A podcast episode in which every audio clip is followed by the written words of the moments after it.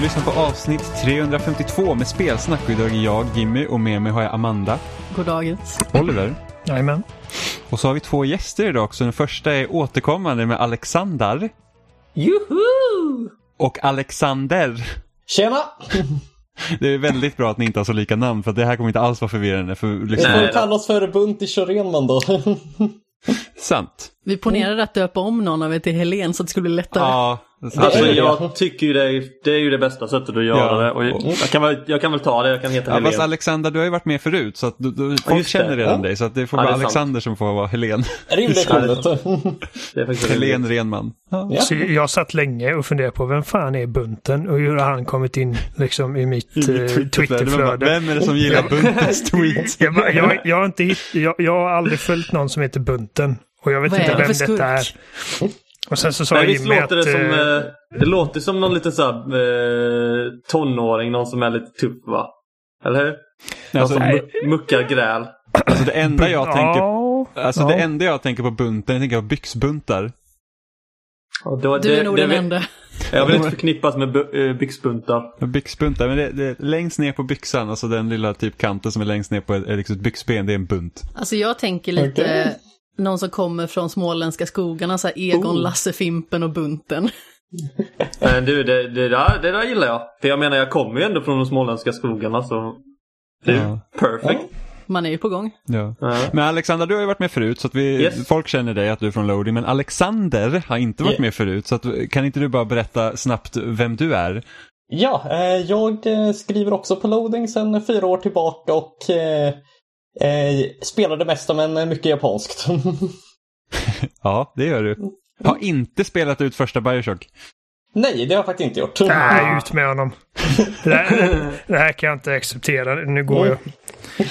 Har du bara skrivit på Loading fyra år? Det känns Eh, mer. Alltså, jag har haft ett konto sedan december 2011 men varit i redaktionen sedan 2016.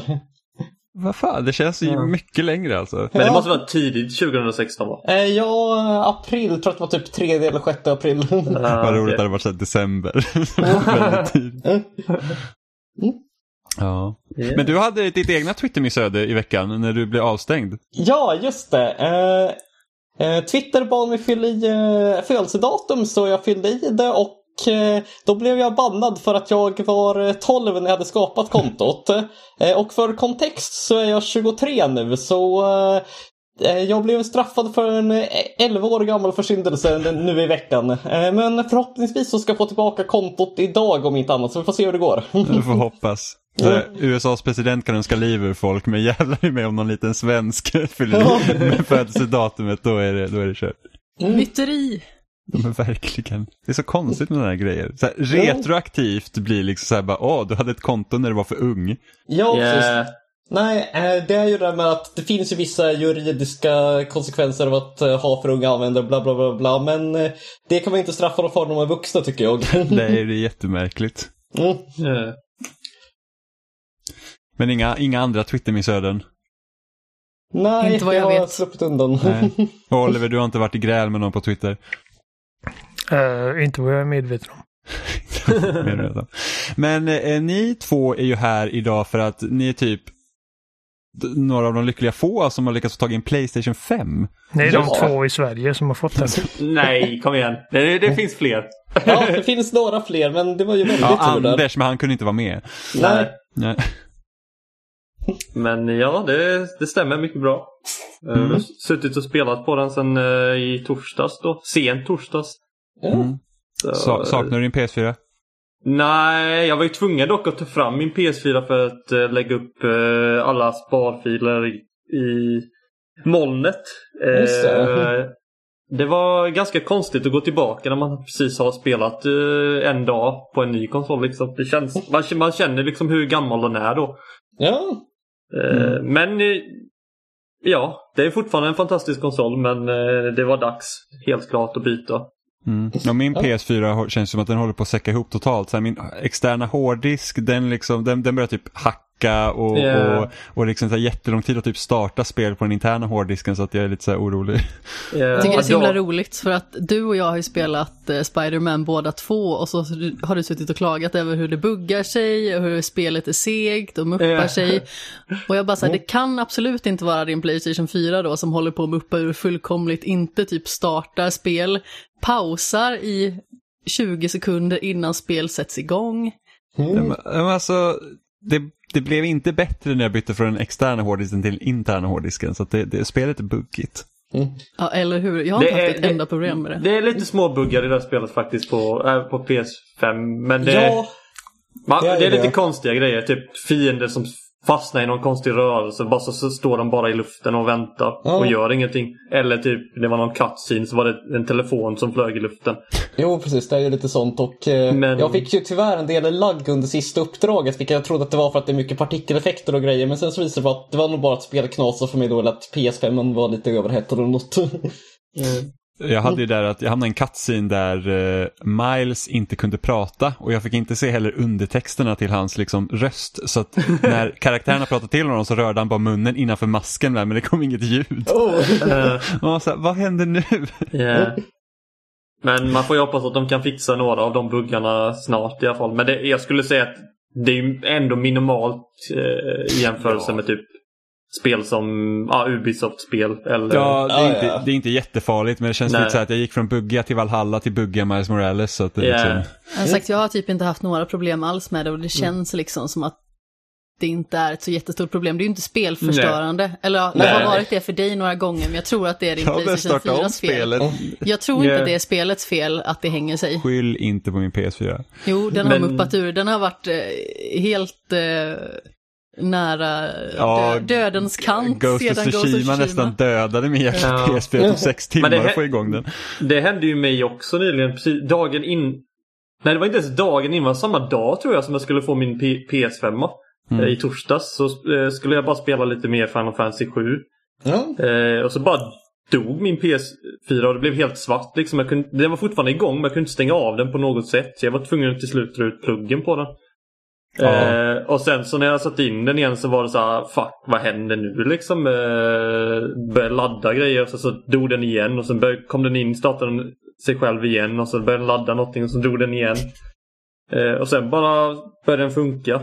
Men, eh, och sen så gick jag till, s- och la mig liksom i sängen och helt plötsligt bara startade PS4 upp sig igen. ja. Mitt i natten. Men gud.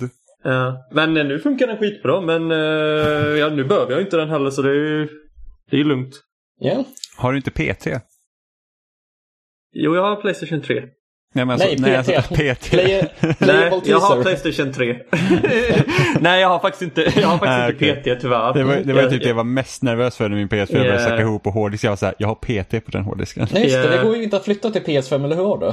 Nej, Nej, det det, gick tills Konami fick nys om det och så gick det inte längre. Fuck Konami. Vi vet inte det var, om det var Konami, men det var Ja, men- 100% Konami. Ja, ja, det var ju såhär typ såhär bara en onämnd utgivare klagade och man bara, men vem skulle det kunna vara? ja. Men, Ubisoft har kontaktat Sony. Nej, ni får, ja, men ni får precis, inte bara, ha nej, vi, vi, kan inte, vi kan inte vara på samma plattform som PT, det går inte. Vilken skräckupplevelse. Ja. Men, Nej, men det är synd. eh, Man får ju hoppas att eh, de löser det på något sätt. För det är ändå ett spel som, eller demo som jag tycker förtjänar att finnas kvar. Jo, jag har faktiskt inte spelat det än, men eh, får väl göra det någon gång om jag eh, träffar någon som har en PS4 med det på eller eh, laddar ner någon av alla dessa remakes som gjorts. Yeah. Alltså remixen väl, jag har sett några. Jag testade, testade ju någon på Dreams och så. Det är väl helt okej liksom. mm, men jag, Ja. tror, jag tror många också missar i vad det är som, alltså vad är det som gör att PT är som det är. Yeah. Så att det är liksom, det, det är inte bara att återskapa korridoren och sen tro att det är löst liksom. Ja, exakt. För det har man ju sett, alltså det har kommit liksom spel efter PT som har liksom försökt göra PT fast liksom ett, ett helt spel. Och det, är Ja. liksom, det är inte samma sak. Typ Visage släpptes ju nyligen. Jag har inte sett så mycket folk prata om det men det är ju stort sett eh, ett av de stora spelen som inspirerades av PT. De visade Mm. väl typ upp det eh, typ tre månader efter att PT, efter de tog väck PT. Mm. Jag och Jimmy var ju och gästade skräckafton för Svampriket förra året och Ja. eh, då spelade vi det och det var ganska så Alltså, tam upplevelse. ja, det hände det är så här, ingenting i Man säger bara, åh nej nu kommer det vara skitläskigt och det hände absolut ingenting. Ja, Jag har, ju sett, jag har sett folk spela det och det verkar vara lite gimmicky med den här vad det, ljusmekaniken. Där man Mm. håller på att tända ljus och måste hålla på med någon konstig byta hand mellan eh, vem, vilken hand som håller i ljuset och grejer. Jag tror inte det fanns när vi körde det demot Ah, som vi okej. hade. Jag satt ju och väntade på att det skulle bli läskigt hela tiden så jag gömde mig Yeah. bakom en kudde större delen av tiden. Mm. Mm. Men på tal om läskigt och Playstation 5 eh, så har ju vi spelat lite spel och eh, eh, jag spelade Demon Souls då. Eh, och vi har ju inte pratat om det men jag tänker nämna det nu eh, med DualSense. Mm. Eh, just hur mäktigt det är med den typen av feedback och adaptive triggers men också ljuddesign och sånt. Ja, ja. Eh, första gången jag spelade Demon Souls i PS3, jag köpte ju det vid release. Eh, det var ju lite så mystiskt och lite småläskigt för att det var ja, kna, knasiga monster och sådana grejer. Liksom. Men det var, inte så det var inte läskigt på riktigt. Men i och med liksom hur, hur kontrollen vibrerar och hur ljudet eh, låter i, liksom, i koppling med det. Eh, så har jag liksom blivit skrämd några gånger. Och shit, där händer det någonting helt plötsligt. Och så blir får jag liksom panik och springer. eh, och Det är väl ett av de, en av de upplevelser som jag eh, upplevt liksom med just DualSense. Eh, där jag känner liksom, fan det hade varit gött med ett renodlat skräckspel. Eh, För man känner verkligen liksom, det är en så stor skillnad i känslan. Ja, eh, för egen del så är det just eh, DualSense som är den stora innovationen med Playstation 5. Eh, Eh, För jag tänker att det där med eh, SSD och Raytracing och så, det är förvisso nytt på konsol, men jag byggde en gaming-PC i somras som har stöd för allt det där, så det är ingen större nyhet för mig, men det är helt klart trevligt att det finns även för Playstation-spel nu. yeah. Mm, men hur, alltså man tar DualSense då liksom att, att man känner liksom att ja, men du blir överraskad av saker som händer i Demon's Souls, alltså på, liksom på vilket sätt, alltså hur märks det då i kontrollen? Alltså, det, det, där är det ju kanske inte så, så galet. Det är mest hur vibrationerna i hä- händerna ter sig. Liksom, eh, om, det kommer, om det händer någonting på högersidan så får man en väldigt kraftig liksom, känsla mot högersidan av kontrollen. Men det är också det i anslutning med 3D-ljudet som jag tycker för övrigt eh, Demon Souls är extremt bra på. Men då sitter du Eh. med hörlurar med andra ord? Ja, eh, det sjuka är att det funkar ju med vilka hörlurar som helst. Man kan sitta liksom med några skithörlurar för typ 200 spänn och man får ändå en väldigt bra 3D-upplevelse. Men krävs det att du har testa. hörlurar för 3D-ljud då? Ja, det har jag nu. Mm. Eh, Men jag har testat med mina gamla Urban Ear som är typ tre, jag tror de kostar 300. Och visst, det är en skillnad absolut, men det, är ju, det känns ändå 3D. Mm. Eh, Och det är ju någonting som de har pushat väldigt mycket för, för att kunna omvandla det till någon form av 3D. Jag vet inte hur, hur det fungerar exakt, men det är, det är jävligt imponerande. Okej, Jag har jag har faktiskt inte testat det så mycket. Yeah. Jag hörde folk prata om Demon's Souls och att ljuddesignen i spelet är liksom den riktigt Ja, alltså, alltså, man mest ju... imponerande grejen med det. Och eh, Ja. jag eh, har faktiskt eh, skaffat eh, med eh, 3D Pulse-lurarna. Eller jag har Ja. beställt dem. Så får vi se Ja. när de kommer. Ja, Nästa år med konsolen förmodligen. ja. Eh, Men eh, det är som du säger, liksom 3D-ljudet, man vet ju... Man, det är inte bara så att man vet vilket håll de kommer ifrån utan det är liksom avstånd som är ganska imponerande. Liksom, vad, hur långt borta? Och typ kraften, det känns som att det är mycket kraftigare på något sätt. Det känns som att man nästan får en liten feedback i, i öronen liksom ibland. Ja, men det var, det var någon tråd på Resetera där de snackade om, för att det finns ju en ganska känt, eh, känd sektion ganska tidigt i spelet där det kommer en drake vid en bro, ungefär som det gör i i Dark Souls. Ja. Eh, och att eh, det, är liksom, det var ju liksom en cool upplevelse även när det kom Ja. för 11 år sedan, men alltså nu så att med ljudet och liksom den feedback, fysiska feedback man har med kontrollen och även givetvis den, den vackra grafiken så blir det liksom att han sa typ att alltså, det kändes som jag hade en drake i mitt rum. Ja. Eh, och liksom det var Just, typ, den, just den delen, eh, jag har ju faktiskt spelat, sp- spelat den delen också. Och det är ju, där känner man ju liksom vilket avstånd draken är bakom den ganska väl. Liksom, så man vet, okej nu kommer den, nu är den närmare, nu är den närmare, nu är den närmare. Nu måste jag verkligen undan från det annars kommer jag dö liksom. Ja. Och det är liksom som Eh. typ att då vibrationerna ökar i intensitet då ju, Yeah. ju närmare man kommer. Ja. Så det, det, är liksom det, det, det, det är nog det jag tycker är häftigast. För hade det bara varit haptics så hade det varit... Det är coolt i sig men det är liksom den kombinationen med ljuddesign och haptics som gör ganska mycket. Mm. Det är Eh, samma sak i Astrobot till exempel. Eh, ljudet ja, från kontrollen och eh, vibrationerna är... Alltså det, det går typ inte att beskriva hur bra den kombon är. Nej, det är en sak jag märkt överlag att PS5, det, det låter en leva sig in i spelen på ett helt annat sätt för att eh, och då kan det vara sådana jättesmå grejer, typ eh, drog in om Bugsnacks i helgen och eh, då när man eh, springer i spelet då så eh, vibrerade omväxlingen i vänster och höger sida på kon- eh, kontrollen ganska svagt men man känner liksom varje fotsteg i den så det är rätt Mm. häftigt. Och eh, sen så har ju det spelet också ganska coola med av eh, adaptive triggers för att när du använder kameran i spelet då blir din R2-knapp som en eh, kamerautlösare. Så att det verkar trycka in så känns det verkligen ett klick och Mm. väldigt häftigt. Yeah. Det är som är lite knepigt med DualSensen kan jag tänka mig att det är liksom det är så jävla, alltså om inte omöjligt att helt förklara Ja. eh, med Ja. ord. Eh, liksom Nej, man måste uppleva det. Ja, för liksom jag tycker- typ jag- när du, när du eh, applicerar liksom eldelement till ditt svärd i Demon's Souls, liksom att, att kontrollen det känns precis som att okej, nu är mitt vapen liksom ett brinnande svärd. Yeah. Eh, vilket jag har jättesvårt att föreställa mig. Hur, hur lyckas de med liksom en liten haptic feedback-motor i en kontroll simulera hur ett svärd hade känts Yeah. med eld Ja. på? Alltså det, Eh. det, det som är skillnaden från typ andra haptic feedbacks är att den här är baserad på någon form av eh, eh, ljudvibrationsgrej. Eh, de, som, va- de som har tillverkat de här haptics till Sony sysslar mest med ljud har jag för mig.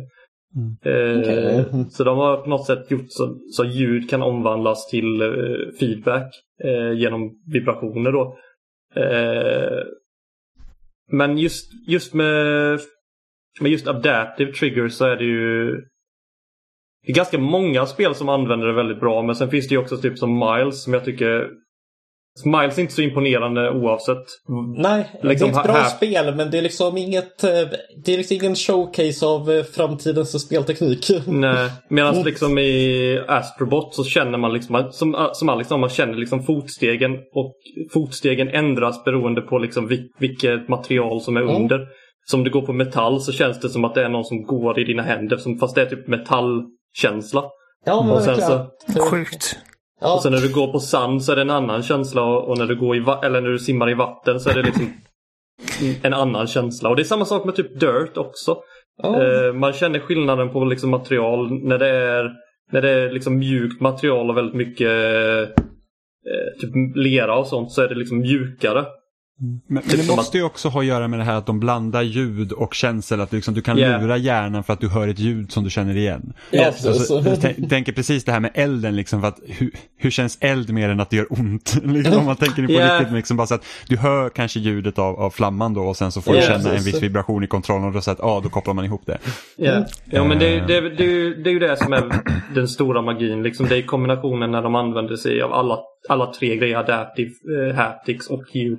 Som det blir bäst tycker jag. Ja, men de, Eh. de, de använder liksom dina öron, dina ögon och din känsel för att liksom Yeah. förmedla någonting. Vilket jag Yeah. tycker är, alltså sånt, jag, jag är så jävla, jag, jag är en jättestor sucker för sådana där grejer liksom att, att, att Yeah. försöka bringa in dig i spelet. Jag kommer ihåg när, när Superplay gjorde något aprilskämt om att de skulle släppa så här doft Ja, just det. eh, maskiner till GameCube och jag bara, det här låter som världens coolaste grej någonsin. Eh, Eh, Alltså, Alltså, jag det var hade helt varit såld coolt. bara på det här med typ så här, åh du kör Mario Kart och det luktar gräs. liksom, och så här, yes. men alltså det gummi. hade varit fett. Ja, man skulle inte vilja spela typ Binding of Isaac eller valfritt skräckspel. Eller, ja, eller typ Conquers Bad Fury. Typ sen när man är den stora masken i Gears of War 2. va, Mm. Ja, nej, men så att, så att jag älskar sånt här och det är det som är så Mm. jävla frustrerande nu för att alltså jag... Eh, jag har ju liksom, jag har alltid varit, eller ja, alltså sen jag var vuxen nog att kunna liksom köpa alla format så har jag liksom varit en multiformatsperson. Mm. Eh, och eh, planen inför den här generationen nu eftersom att Series X har liksom, alltså på vissa på vissa sätt så är den ju mer kapabel, alltså på, på rent hårdvaruplan, vad som finns liksom under huven. Så jag tänkte att ja, men Xbox kan ju liksom bli min tredjepartsmaskin medan jag kör alla liksom bra exclusives på Playstation. Men sen så ser man typ att Valhalla körs betydligt bättre på PS5 än vad det gör på Series X. Och Xbox kontroll känns som alltså världens äldsta, liksom osexigaste skit jämfört med vad man hör om den här kontrollen. Så jag bara väntar lite nu. Ja. Kommer jag köra Alltså- allt på Playstation? Ja, alltså det är ju det att ja, både Microsoft och Sony har ju olika inställningar till vad de kommer publicera sina spel. Eh, vilket påverkar också hur liksom DevKits är utformade. Så även, även om Xbox Series X kanske är kraftigare på pappret så kan det också betyda att i och med att de har andra DevKits för att de vill kunna få ut eh, spel på PC också. Så behöver kanske de tänka på andra sätt när det kommer till hur Mm. DevKitsen är. och De kan liksom inte bara optimera det för Xbox utan det Nej. måste liksom vara mycket annat som går in i. Ja. Och då, blir, då, då kommer DevKitsen också se lite annorlunda ut från Mm. vad, vad PS4 och PS5 är. Och det som utvecklare har sagt än så länge är ju att det är lättare att gå över från PS4 till PS5 för att DevKitsen är så lika varandra i grunden. Jo. Eh, och det kanske ändrar sig i framtiden, liksom att, att eh, utvecklare lär sig Ja. bättre med de här devkitsen och då kanske det börjar komma fram lite, lite liksom starkare spel på Xbox Ja, och, och, och jag tänker inte sitta här och säga att åh, bara för att Valhalla körs bättre på Playstation så är det dömt att resten av generationen så kommer allting köras bättre på Playstation. Så kommer det givetvis inte vara. Nej, precis. Eh, men det var liksom bara liksom den första första jämförelsen som liksom tog sig in i skallen på mig den här generationen. Ja. Och, eh, och eftersom att jag är en sån enorm sucker för eh, sådana innovationer som, som de har gjort med DualSensen. Eh, Mm. Så, och jag tänker liksom, alltså, vad, vad, vilka coola grejer kommer de liksom göra med Resident Evil Village exempelvis när Ja. det kommer. Ja. Eh, Alltså det man, man kan redan se liksom hur, hur tredjepart använder sig av kontrollen ganska olikt. Eh, Till exempel Call of Duty har ju varenda vapen har ju en annan känsla med Adaptive Trigger. Och Ja. det är en ganska stor skillnad liksom, eh, när man använder, när man använder liksom en pistol eller när man använder SMG eller när man använder något som är väldigt tungt. Typ en Fasen, nu får sniper. de ju sugen på Call of Duty. Jag som lovat Ja. att jag inte skulle köpa det. Alltså det är, det är en väldigt, väldigt unik känsla av att trycka på triggern och få ett motstånd. Och det, det motståndet förändras baserat på vilket vapen du håller i. är det sant eh, också att eh, triggern liksom typ hopp, hoppar med liksom fire Det- raten i vapnet? Ja, exakt. Det finns ju... eh, Det beror på vilket vapen, men till exempel Ja. en sniper rifle som är väldigt tung så får du... Du trycker ner och så får du motstånd och sen trycker du förbi det motståndet och sen så får du den studsen liksom. Och då studsar den Typ tillbaka. Jäkla triggern bara typ slår den i ansiktet. Ja, men... Eh, eh, På tal om Call of Duty, det glömde jag nämna, men det har jag spelat klart nu så att nu är jag klar, sp- det, det, det har jag lite att säga om sen. Ja. Ehm, Ja, jag har ju bara spelat lite om det men jag kan prata om det jag kan prata om. Ja. Men eh, och sen så tar man någonting som Dirt liksom där det är eh, det, det är samma typ av funktion som finns egentligen på Xbox eh, Series X-kontrollen med den vibrationen på triggern. Fast jag tror att de har en mycket mer sofistikerad lösning i DualSense än vad det är Xbox-triggern idag. Ja, för att ja, de, det är det. eh, Och det är ganska synd egentligen att Microsoft inte valde liksom att försöka liksom Alltså utveckla kontrollen mer Ja. med det i åtanke. Liksom, att det var mycket mer spännande förra generationen. Liksom, ah, vi testar nya grejer och sen så bara Ja. är Ja. allt detsamma. För att, för att Visst, Rumble Triggers var skithäftigt och speciellt Ja. i bilspel så funkar det jättebra på Xbox. Men sen så har de ju typ, varje skjutspel som använder de här Rumble Triggers, det känns liksom bara konstigt för att ofta Ja. vibro- vibrationer är alldeles för kraftiga. Och Ja. igår, alltså spelar man Tetris Effected på Xbox till exempel så, så vibrerar triggerserna i takt med musiken. Och det är så här bara att, men alltså jag använder inte triggerserna i Tetris, jag vill inte ha fingrarna på dem och känna liksom. Så att det blir liksom väldigt märkligt. Jag märkte Men det förrän typ tio timmar in i Tetris. Att, Mm. att de, och jag tyckte, åh det är lite cool touch, men alltså jag har inte fingrarna där uppe. Liksom. Nej, nej, och, sen, och sen till slut så de vibrerar så mycket så hör man så här. bara, nej, Det är det sluta. värsta med min... eh, Jag vet att eh, den nya Xbox-kontrollen är inte lika högljudd med vibrationerna, men min Elite-kontroll, alltså den låter så jävla illa. Mm. Eh, och, så att jag tror att jag, jag måste nog dra ner den, eh, den Rumble styrka. Ja, och, och sen Ja. med tanke på jävla kast de där jävla triggersen och, och bumperknapparna är byggda på elitkontrollen så är man ju rädd att den ska fan vibrera sönder. Ja, men det, det låter som att knapparna liksom äh, ra- skramlar av kontrollen. Ja. Eh, Ja, vilket... det är ju någonting som jag också vill nämna. Alltså, om man jämför liksom DualSensens uh, triggers med DualShock 4 så är det en enorm upp uppgradering. Alltså Ja. det... DualSensen känns så jävla lyxig i jämförelse. Liksom, det känns inte plastigt. Du pratar, som du det- pratar triggersen nu. Ja, triggersen och För det vet jag, det var. Jimmys första reaktion när de visade upp DualSense. Bara, Åh, de har kvar samma skit, Ja, det såg, de såg jätteplastiga ut. Nej, nej, det känns mycket, mycket bättre. Ja, verkligen. Ja. Eh, alltså, ja. Men, men Alltså, som jag sa, det, Dirt, Dirt har den där liksom vibrationskänslan som det finns på Rumble-känslan. Men sen så också så när du kommer i typ när du svänger och slirar och du får någon sån liten bump. Så får du liksom som ett, som ett trigger skjuter bort ditt finger lite. Ja. Eh, och eh, ibland när man växlar upp så får man också den känslan som att man växlar upp faktiskt. Mm. Eh, det är en ganska skön känsla. Det, jag skulle inte säga att det är det bästa sättet att använda det på men man ser ändå liksom att det finns så mycket variation i Ja. hur triggers kan användas. Vissa Visst, olika typer av, ja. alltså, olika typer av spel kommer ju liksom. Vara begränsade i... För att alltså, det, när man tänker typ i ett bilspel så är det inte så mycket du kan göra.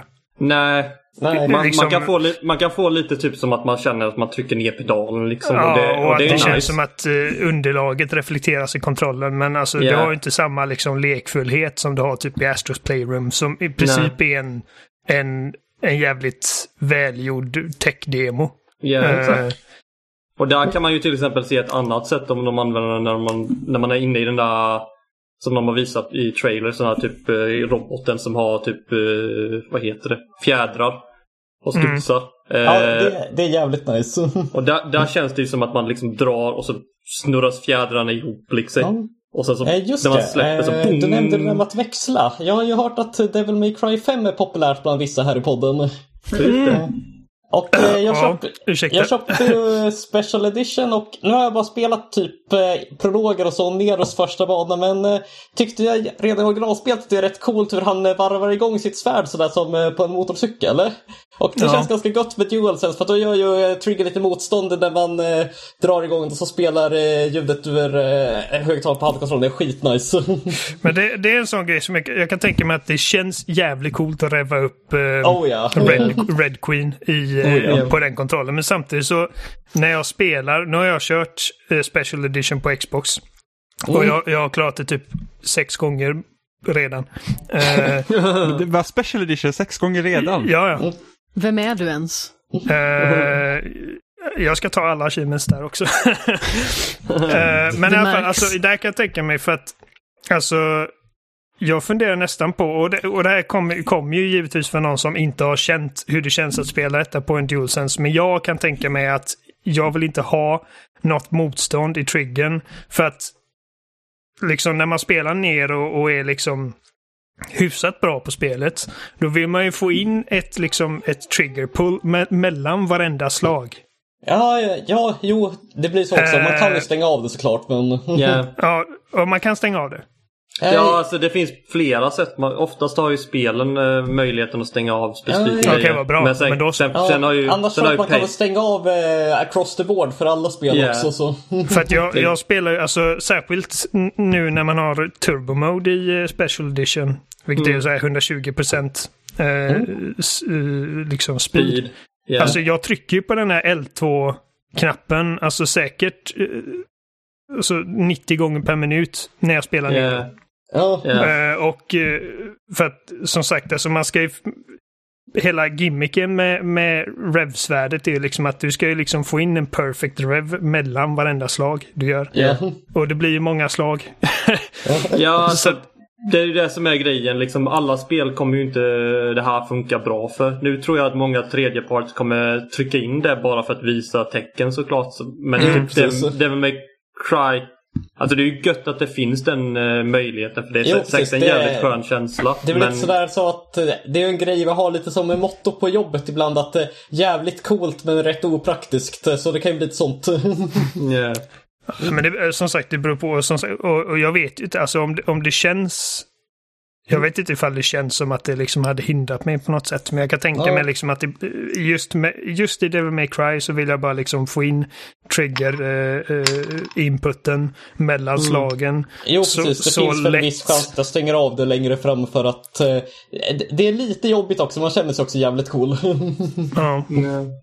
Men ja, det kommer ju alltid vara olika spel som sköter detta bättre. ja, Eh, helt men klart. det, det är ganska, för mig känns det väldigt konstigt nu att inte ha någon form av liksom tyngd i trycken på Nej, triggers. Eh, Det var ju det, var det jag kände igår lite där, att man tar framsteg för givet ibland. För att Ja. när jag spelade lite PS5 igår så tänkte jag att just det, jag köpte Hyrule Warriors Age of Calamity och jag tänkte att det måste jag testa. Eh, men liksom dels det här med att det rullar i typ 20 FPS när allt Ja. annat var spelat i helgen när det rullar i minst 60. Eh, och sen, sen just det där med att det känns lite fattigt för brister på vibration för, eh, eller ja, feedback kanske jag ska säga överlag. För att finns ju en del episka scener här, Divine Beasts, jättestora st- krigsmaskiner ute och marscherar och eh, stampar sönder horder av fiender och skjuter dem i små bitar och eh, kontrollen vibrerar jättemesigt. Jag kunde bara sitta och tänka att eh, fan vad gött det här skulle vara med en dual sense och riktig vibration. Jag kan Ja. tänka mig det. Men alltså Ja. på tal om Age of Calamity, det är fortfarande horribel bilduppdatering eller? eh, det är inte ospelbart men man märker att det är sämre än många andra spel.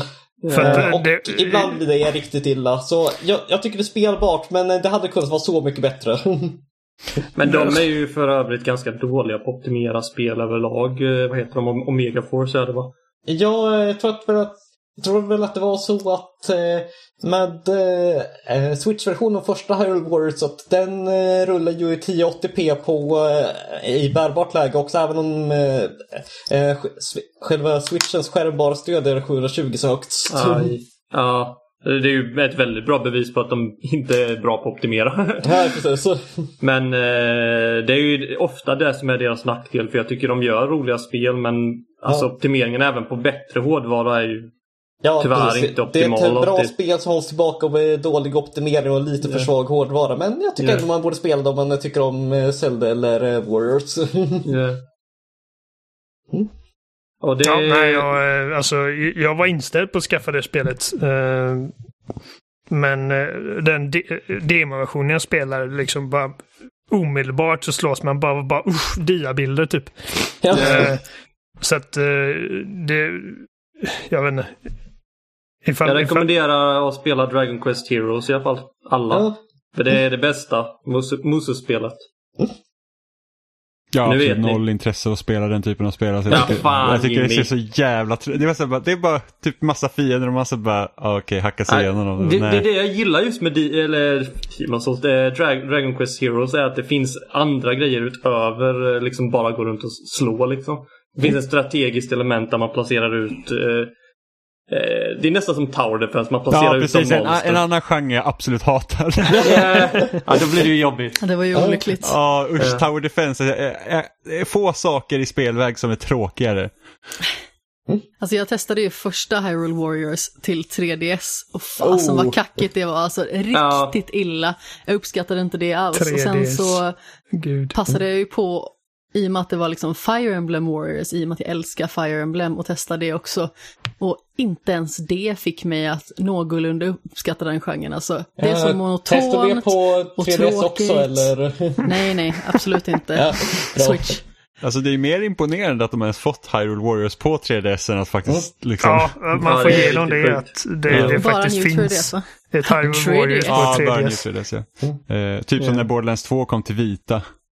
Det är så jäkla sjukt ändå. Ja, Ja, det, är just det, typ det kommer faktiskt dit. Det var inte bara typ- Remote Play, nej. var det typ bara hälften av fienderna på skärmen samtidigt. Jag tror det fanns väl typ ingen multiplayer-stöd eller vad det nu var. Det Jag kollar inte på mig.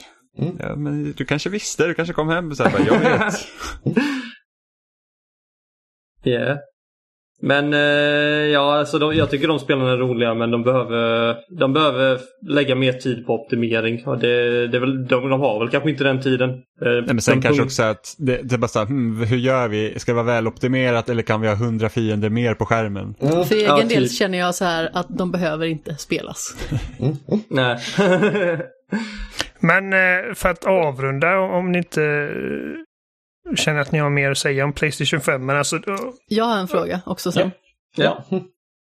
Eh, Apropå det här med att känna sig cool, hur coolt känns Spider-Man Miles Morales på Playstation 5? Jag tycker tyvärr inte det är jättestor skillnad från eh, Playstation 4 förutom att, eller jo, en större skillnad att eh, man kan ju köra i 60 FPS vilket för eh, mig är en game changer för det känns att det var så spelet skulle ha spelats redan på PS4 och Yeah. eh, men det är liksom inte så mycket det med att eh, leva sig in på samma sätt som i andra spel. Eh, typ när man laddar upp hans elektriska attacker så hade jag väntat mig att kontrollen skulle, skulle liksom spraka och vibrera lite mer. Nu känns det Yeah. lite mesigt också. Ja. Ja, alltså det är ju det spelet som har mesigast implementation av de nya Mm. teknologiska grejerna. Förutom möjligtvis SSDn, för den, det, det går så jävla fort. Ja, så Alltså- eh, liksom det, är ett, det är ett jättebra spel men eh, det är liksom inte någon, eh, eh, något eh, bra exempel som visar upp vad PS5 är kapabel till. Jag kan Ah, tänka Man mig känner sig i de... och för sig väldigt cool redan från början. Så Ja, att, precis. så- Och man är man- på liksom en hög topp där. Ja, Ja, det är en fantastisk, fantastisk känsla att svinga sig i, i det spelet. Ja, sen så känner man sig så jäkla cool när man typ eh, drar iväg en sån där elattack och sen direkt tjongar på någon med en finisher och rycker upp någon mer i luften och kastar Yeah. någon i gatan och så vidare. Yeah. Så man känner, eh, som, eh, för att citera den där memen, att it really makes you feel like Spider-Man. Ja, Ja, men man känner ju sig verkligen så. Det är väldigt roligt för att både jag och Jimmy spelar i Spider-Man samtidigt och vi spelar ju på varsin tv-skärm bredvid varandra. Ja. Och ibland så tar jag bort mitt ljud för att jag känner i vissa sekvenser att jag inte behöver det. Exempelvis om jag har spelat saker tidigare eller om det liksom är ett mer eh, vad ska man säga, sidouppdragsfokuserat läge, att jag kanske bara samlar pluppar eller sådär. Eh, och då hör man ju svingljudet från kontrollen, så man Ja, hör ju det. inget annat, utan bara hela tiden.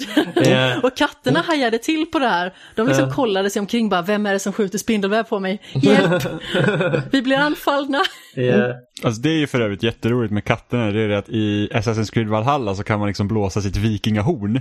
Ja. Och ena katten Ja, den är så här, gud. alltså, det är man här, men nu ska jag ha mitt långkort bara, och katten blir ju livrädd. Den bara, sätter på, bara nu är det krig, vad händer? Alltså Jenny har blivit rädd. Alltså Jenny, det är inte, nu är inte detta en katt, det är min fru. Hon har blivit rädd tre gånger av jävla, Förhoppningsvis. det jävla hornet. Eh, mitt i natten när jag spelar, hon bara vad fan händer? Kommer.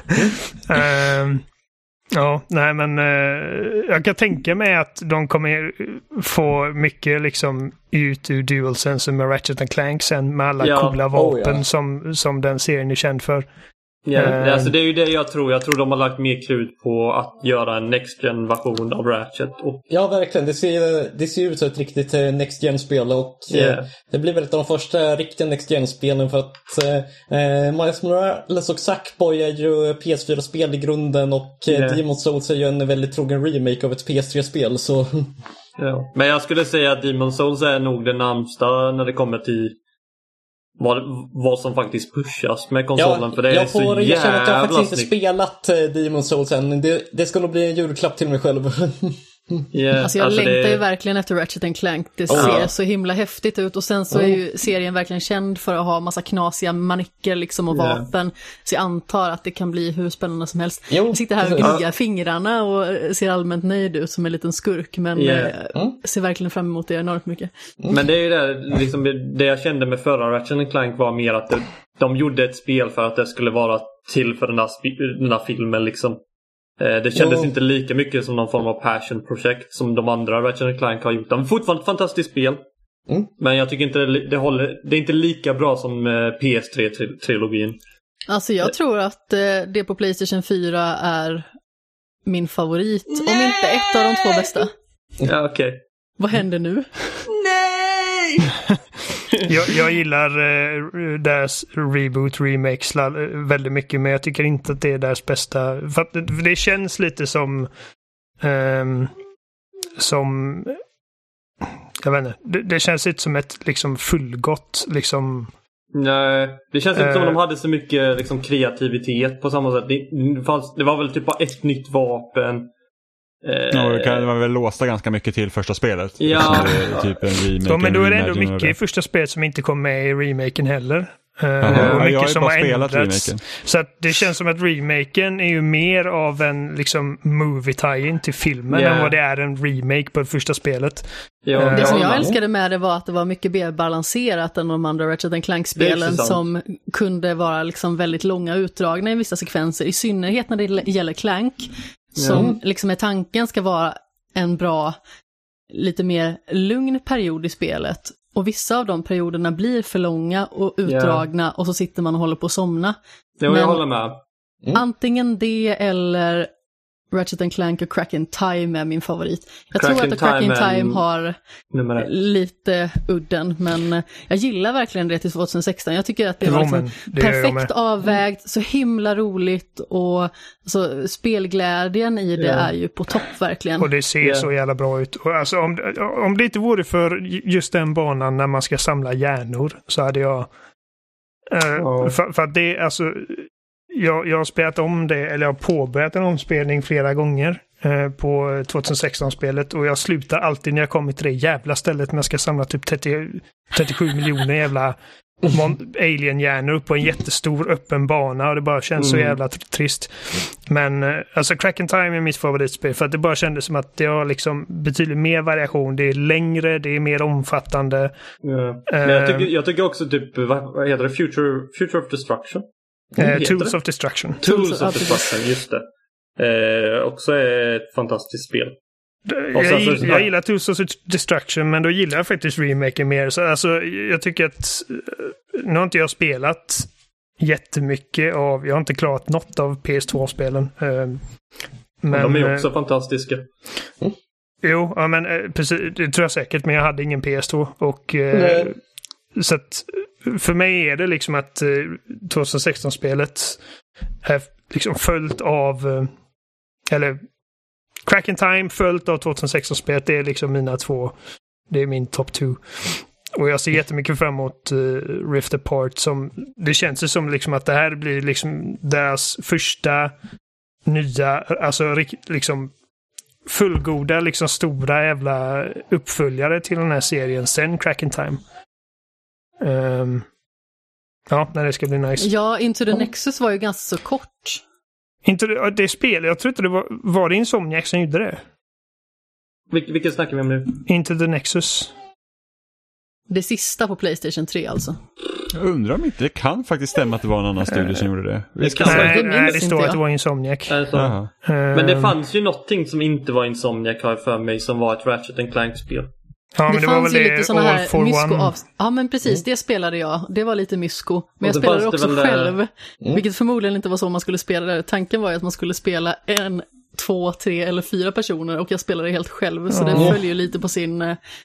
Google säger att det också säga? gjort av Insomniac. Det trodde jag Men, inte. men alltså är det inte bara så att de Det fanns är, ju ett eh, de Tower bara- Defense-spel som heter Q-Force också. Det kan väl hända att det Insomniac Secret har Agent. varit liksom eh, rådgivare eller någonting sånt. Ja. Men Ja. Secret Agent of Clank är ju också ett sånt spel som kom till PSP och PS2 tror jag.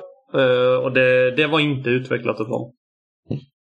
Nej, alltså det, det, mitt, min avslutande fråga om PS5 är väl att, alltså, för att det låter verkligen som, eh, alltså inte bara på, baserat på vad ni säger utan liksom vad, vad de flesta säger att DualSensen är det som hoppar ut från start liksom som den stora, Ja, det, liksom. Det är ju enligt mig den eh, största innovationen för att eh, det andra det har man ju haft på PC ett par år redan men jag har aldrig sett något som liknat DualSense tidigare. Ja. Alltså det, för mig blir det liksom... Om jag måste välja en kontroller jag vill spela med nu framöver så kommer det vara liksom DualSense. Sen är ju frågan vilka som stödjer det. Jag hoppas ju att de kommer fixa stöd på PC också. ja, Eh, och inte bara mimikera liksom DualShock 4 och nöja sig Nej. med det liksom. Precis, man får hoppas. Och det, det var ju en sak jag funderade på tidigare i veckan att det kan ju ha funnits kontroller som har haft eh, stöd för liknande funktioner tidigare men eh, bara det har varit någon slags obskyr tredjeparts eh, PC-kontroll som ingen bemödat sig att utveckla Det till. Men eh, nu när DualSense finns på marknaden så, eh, så hoppas jag ju att, eh, att många PC-utvecklare ska våga lägga in dess funktioner i sina spel också men det kanske är för mycket arbete för att få ut för lite av det. Ja. Och förhoppningsvis är det också något som att majoriteten av spel kommer stödja. Att det inte blir så att ah, det är nytt och coolt just nu och sen så Men- om typ ett och ett halvt år så är det typ inget spel Nej, som har det. det har ju varit min farhåga också. Att liksom att, eh, jag tror att de flesta Sony-spel orkar ha det, men att eh, om det kommer bli efter ett tag tredjepart så att äh, vi orkar inte hålla på och anpassa för både PS5 och Xbox Series X. Vi slänger bara in bare minimum som krävs för att få det att rulla på bägge och så tjänar vi jättemycket pengar. Det jag tror är att det inte kommer stämma. Jag tror att alla kommer sitta och utveckla för detta för att det är en så pass eh, intressant grej och jag tror folk kommer gilla att sitta och göra det också. Ja, får hoppas Eh, det. Dessutom Ja, så visar... hoppas. Sen får man hoppas typ att Microsoft bara, "Ja, vi uppdaterar vår kontroll för nu har Yeah. vi också lite haptisk Ja, alltså feedback i s- vår... snälla Microsoft, om ni lyssnar, bara eh, liksom gör en ren jävla rip-off. Det finns ingen skam i kroppen här nu. Bara Nej, Nej men de borde göra det. kopiera det helt och hållet. Gör som alla andra gjorde när Nintendo introducerade Rumble och allting. Yeah. Eh, Det Men, känns eh, väldigt klassiskt Microsoft att vara lite på efterkälken hela tiden och bara, De bara, vi har en kamera i vår kontroll nu. Ja, Just det. Men eh, det, det jag ändå ser liksom redan nu är att i stort sett varenda tredje part har någon form av stöd av det. Och alla jag har testat hittills har ganska kul stöd. Mm. Eh, det är inte alla som har wow, men det, det åtminstone ger någonting. Så jag, jag, jag har rätt svårt att se det, att det inte skulle, det inte skulle ske. Det enda spelet jag vet som inte har stöd för det är väl eh, Assassin's Creed. Om någon anledning. Okej, det har inte stöd för det alltså. Nej, det är en, Mm. eh, däremot har Watch Dogs det och eh, jag tror det nya, vad heter det? Eh, Immortal. Eh, Immortals Phoenix Rising. det just det. också ska ha stöd för det. Men av någon anledning så har inte eh, Valhalla det. Okej. Kanske, kan, kanske Microsoft Money. Mm. Kanske har någon mer deal där än bara marketing. Alltså, men du får inte använda DualSense. Det, nej. Så kul ska vi inte ha det. Nej. Det blir inget med det. Men eh, jag, jag tror bara att det kommer anpassa sig utefter sp- spelupplevelsen. Vissa spel behöver inte det lika mycket. Andra spel kommer bli bara bättre av det. Mm. Eh, så jag tror, jag, jag, jag skulle bli väldigt förvånad om vi inte ser det. För vi ser redan fler som använder av tredje part än vad någon använder till exempel HD Rumble eller egentligen det som Microsoft hade med Rumble Triggers. Sant. Liksom, redan vid launch ser vi mer som använder det. Mm. Så jag, jag, jag, tror, jag tror starkt på att, och jag tror Sony kommer vilja pusha det också. Det, är- det är ganska stor skillnad med det och typ bara touchpaden liksom. Touchpaden var en grej som, man kan inte göra så mycket med det. Nej, alltså det, är Den typ, bara är där. det enda jag tycker som är skönt med touchpaden det är verkligen så att det är en stor knapp. Ja, exakt. Det är liksom, man bara så här, och det är enkelt att komma åt den när man ska Den trycka på den. Det skitbra. är typ det. Jag, jag, alltså jag älskar ha den extra knappen då. Ja. Det är typ Det den bästa ja. startknappen. Eh, nej, jag, jag kan tänka mig att eh, enda gången jag kom på att jag faktiskt använt en sån touchplatta, okej, det är väl två till, nej, tre, att man spelar gitarr i Last Us 2 när man eh, håller på håller på med grejer i eh, Ghost of Tsushima, typ att eh, det. få vinden att blåsa och sen så i eh, Spider-Man där man måste dra åt vänster på touchpadden för att få upp eh, Spider-Man-appen i Miles Morales. Just det. Men sen har man ju Detroit också... Become Human hade man också den. Just Ja, just det. det. Det Killzone. Mm. Shadowfall hade ju att man skickar ut olika drones. Eh, uh, unraveled. Tearaway Unraveled, vad heter det? Heter det? Ja. Tearaway. Eh, Unfolded. Unfolded, ja. Så heter det. Det har ju att man ritar på touchpaden. Eh, Nästintill alla Sony-spel skulle jag säga har någon form av funktion. Jo, precis. eh, Men sen är det ju inte alltid jättebra, men ja. Nej. Men, men det blir lite så här, att- så här att åh, vi hade en idé och sen så bara, ah, man, alltså det här är ganska onödigt men alla måste ha det. ja. Mm. Men jag gillar det i The Last of Us. Jag tycker det är skönt. Skönt sätt att spela gitarr på. Ja, Ja, men det, det var ju liksom, det, Alltså- det, det, det är liksom en rolig grej. Den satt jag länge med. Jag, bara, jag, Ja, jag fattar, med. jag kan inte fatta att, att jag faktiskt kan liksom plocka enskilda strängar och spela riktiga låtar på det här jävla minispelet. Det är hon, hon håller liksom ackorden precis som de ska hållas. Och det, är- Ja. ja. ja. Det är Ja, det är väldigt snyggt gjort faktiskt. Ja. Ja, men alltså det är så här, ganska liksom stor grej ändå med tanke på att det är så här, det är inte med i spelet jättemycket utan det är så här, det Ja. är liksom en, en liten grej. Och sen så är det ändå så pass välgjort. Ja. Ja, men det är säkert de har så här tre anställda som sitter bara ni ska bara göra den här grejen. Men det känns väldigt Crunch. typiskt Naughty Dog. De är väldigt duktiga på att liksom leverera kvalitet ut i varenda liten detalj. Ja. Oavsett liksom hur mycket man uppskattar själva upplevelsen i sig och berättelsen så Mm. lyckas de alltid liksom skapa en så vet inte, alltså det låter så himla fånigt att säga lyxig känsla, men jag tycker man känner sig verkligen omhändertagen när man spelar ett Naughty Dog-spel. För det Ja. känns som att de verkligen har tänkt på varenda liten aspekt. Ja. ja nej, jag håller med. Inte som när Microsoft sa att alla deras spel skulle ha Kinect-stöd. Då fick man sk- skrika granat i Halo liksom. Oh. Så tog det typ så här en och en halv sekund innan den granaten kom ut och man bara mm, Moments past liksom. Missade allt. Ja. Sitter karaktären på huk med en liten, eh, jag vet inte, brun Alltså, citron i är en, handen cool, ser det det är ut en som. cool idé, alltså som en extra grej om man vill, men det måste ju funka också. Det är ju liksom, Ja, det, ja.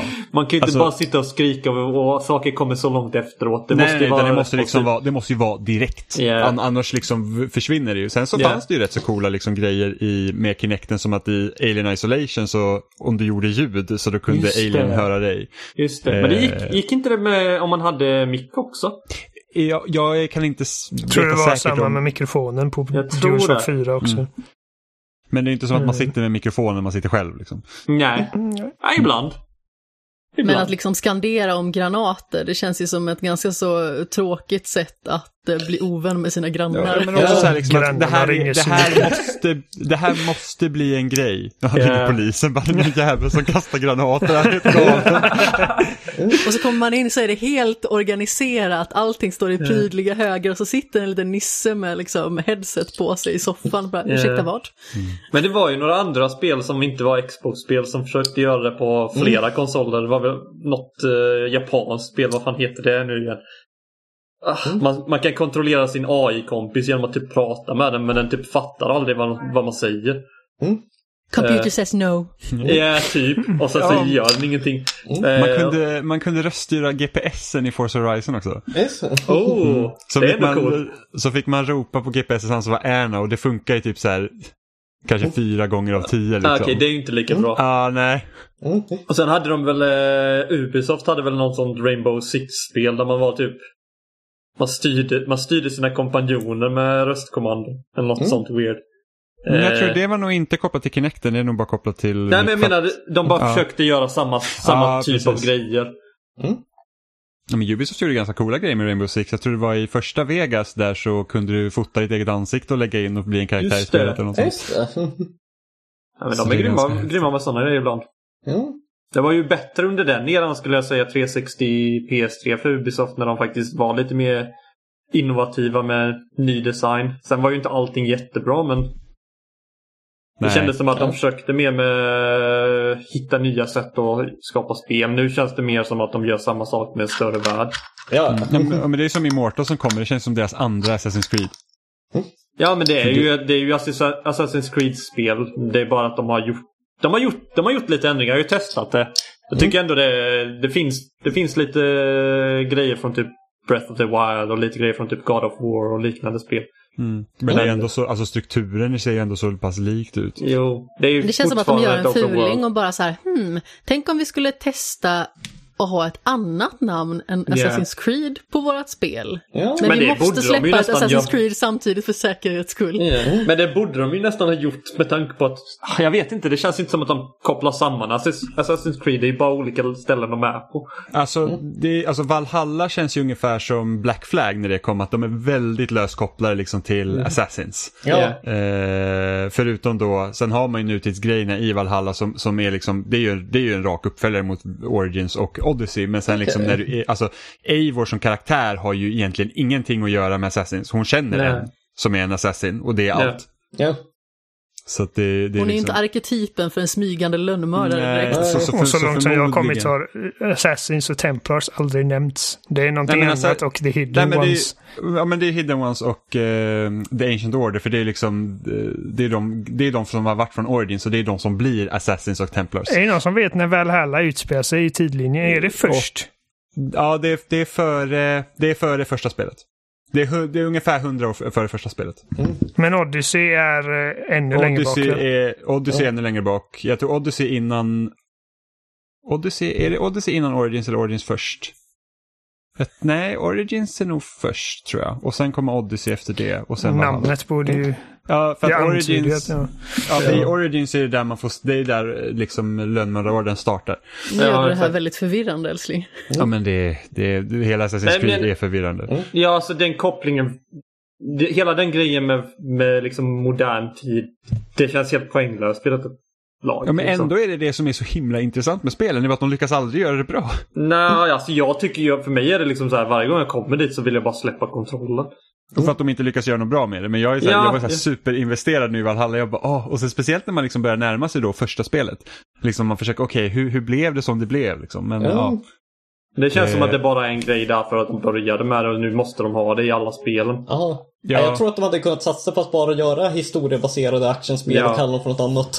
Det Ja, skulle ja, funka jag bra. tror Absolut. Det, alltså, det. det har ju blivit så himla komplicerat med så här gudar och liksom Ja. urbefolkning. Och, och alltså för att jag kommer ihåg när man spelade Assassin's Creed 2, det kändes ju liksom så här typ Ja, men som, en, som en Dan Brown-novell. Det är så här bara, åh, konspirationsteorier i målningar och Just sånt. det, nu är det det. typ, nu är det bara helt galet. Det är typ så Ja. bara, åh, varenda gud som finns, de existerar och de var det här eh, urbefolkningen Ja. som fanns innan människorna som Ja. förslavades. Och Det, man blir- bara, alltså okej. det, det är en del i eh, Valhalla som är kopplat till den här Seern som man har i, i sitt settlement. Eh, Valka eller vad hon heter, jag kommer inte ihåg. Men alltså, och jag bara, vad fan har detta med någonting att göra? Jag fattar ingenting. Alltså, Nej, alltså, jag, det- jag det- tycker ju när de, när de gjorde Origins att det var där de skulle kapa det. Och bara börja på en ny kula. Ja, ja, men alltså det hade ju bara kunnat vara liksom historia. Alltså det är bara så att Ja. nu är vi en punkt i historien liksom och sen så kan man väl ha lite det här konspirationsteorierna bakom så att det är liksom så att åh, det, det går, men det behöver liksom inte vara mer än det. Alltså satsa istället på att göra någon bättre story liksom. Ja. Och, och, försök inte klämma in det här nutida grejen. Ja. Även om jag tycker att det är, det är liksom det är en av de coolare grejerna med Assassin's Creed. Alltså det hade ju varit coolt om de satsade rejält på det och gjorde något bra av det men de, de började ju med det och sen så tappade de bort sig och sen så gick de tillbaka och sen så tappade de Ja. bort sig. Så, jag vet inte riktigt vad de försöker med det. Typ som varann... de, försökte, de försökte väl ta Assassin's Creed in i nutiden men det blev Watch Dogs istället. Som tydligen utspelar sig i samma universum. Just det, just det. Jag tror största problemet var liksom att Assassin's Creed 3 skulle egentligen vara liksom den avslutande delen och sen så bara oj, det här är vår största serie så Ja. det blir en cliffhanger här också och sen så bara vad gör vi nu? Äh, Jag har ingen aning. Ja, nej men det måste, det måste ju varit det. Assassin's, Assassin's Creed 3 är väl utöver Valhalla det bäst säljande eh, Assassin's Creed-spelet också. Mm. Så, Ja. Jag trodde du skulle Det- säga det bästa och då hade jag tänkt säga nej, det, för att det är nog Nej, det nej, nej, sämst av de jag spelat. ja, Nej, fy fan. Nej, Ja, jag gillar inte trean. Assassin's Creed 3 är inte bra alltså. nej. Och jag var så, alltså jag var så hypad på trean för att Åh, Assassin's, ja, Creed, jag med. Assassin's Creed 2 var verkligen så att det året det släpptes så tyckte jag det var det bästa liksom som släpptes det året. Jag var så här, Assassin's Creed 2 är så himla bra. Och jag var så peppad på trean, nu är det en ny protagonist liksom. De, de, de, de kan inte göra fel och sen så spelar man det man så här, vad så gör de här? fel. Ja, och allt gick fel. Men det känns ju som att Assassin's Creed har liksom gjort en yrrol och gått in i en jättebulle. Det är bara så himla förvirrande och konstigt. Ja, ja men det är liksom, jag vet inte ens vad, alltså de nutida delarna från Origins fram till nu, jag vet ju inte riktigt vad, vad det handlar om. Det här är liksom tredje spelet man får spela som eh, eh, hon som heter Leila då, som, är, som liksom har tagit över efter Desmond så att säga. Eh, och jag vet liksom inte, vad är hennes mål?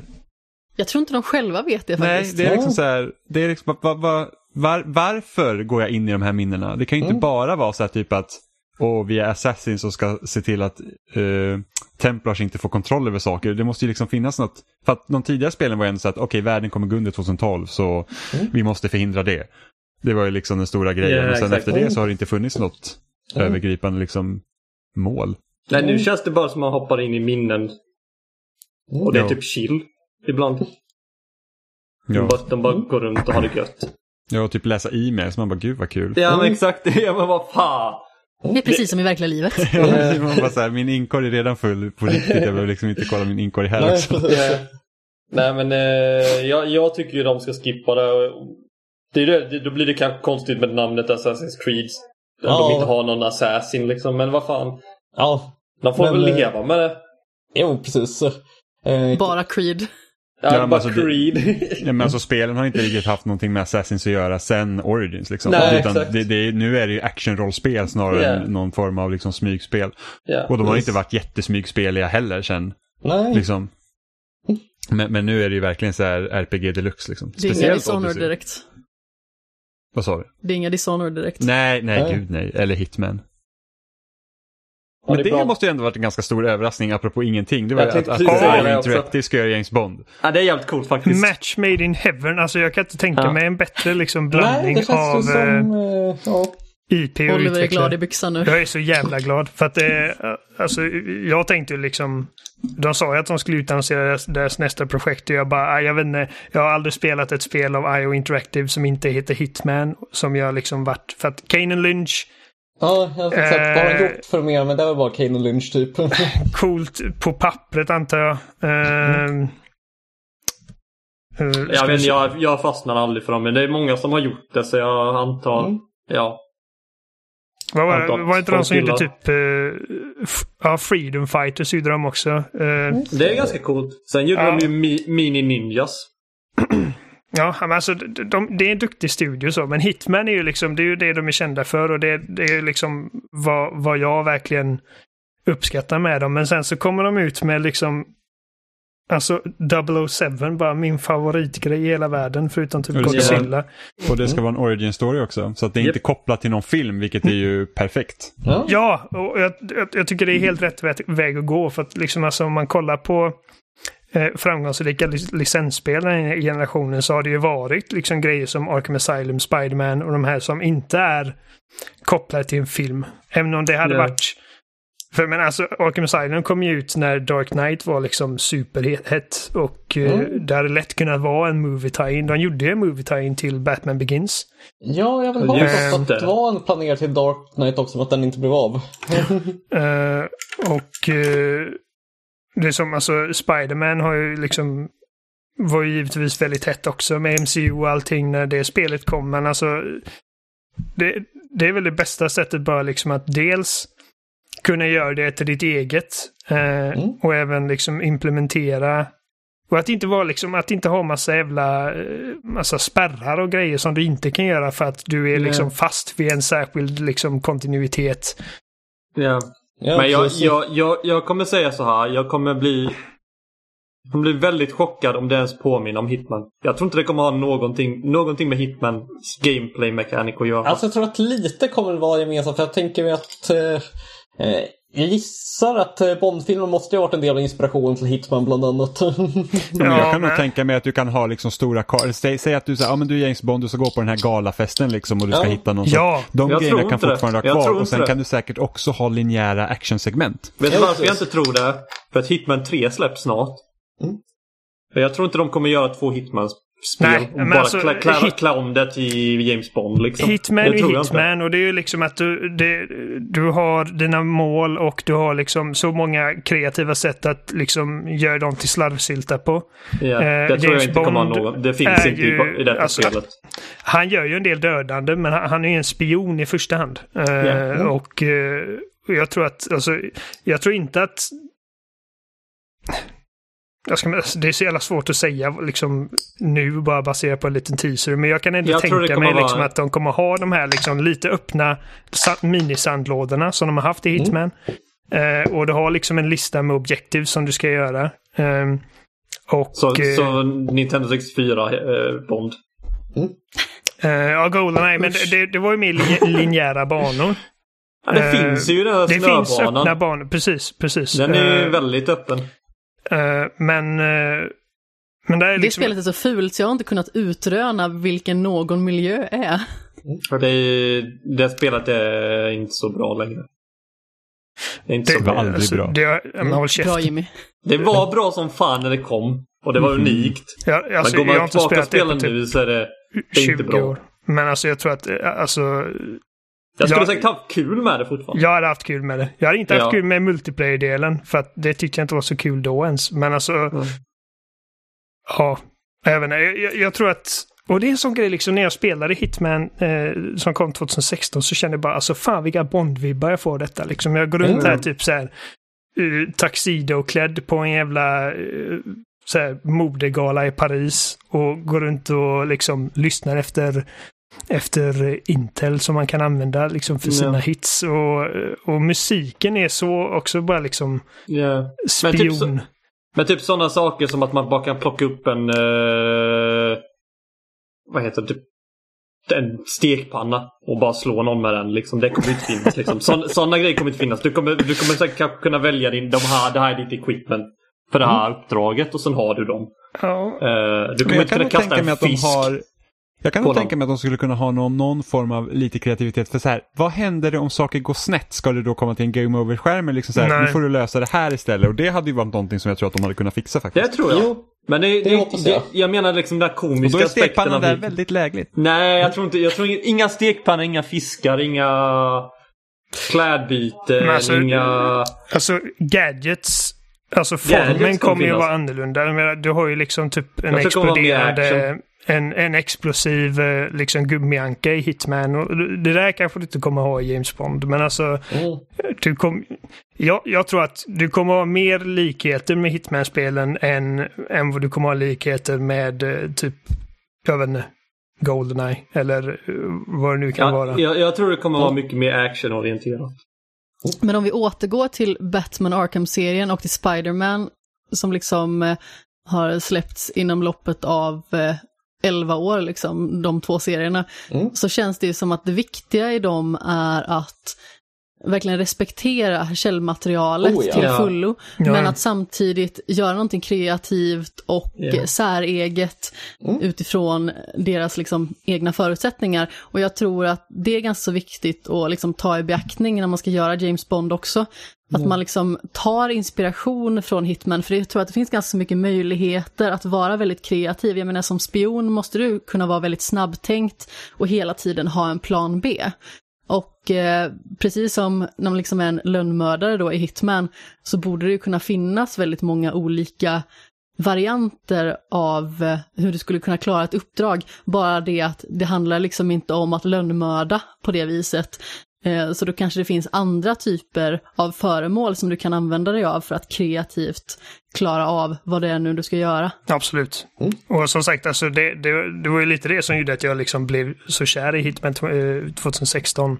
Bara liksom rent med eh, tonen och liksom eh, setupen i spelet. Att jag kände redan då att det är det bästa Bond-spelet som har släppts liksom sen alltså, evigheter. Och det, alltså det, det är ju inte Bond. Det, Bond är liksom inte en Assassin for hire. Han är Nej. en MI6-agent och han liksom eh, arbetar för eh, God Mm. Save the Queen och allt det där. Så, men, så att premissen är ju annorlunda. Men bara det här liksom att du är typ en ensam operatör i liksom ett fientligt men ovetande landskap.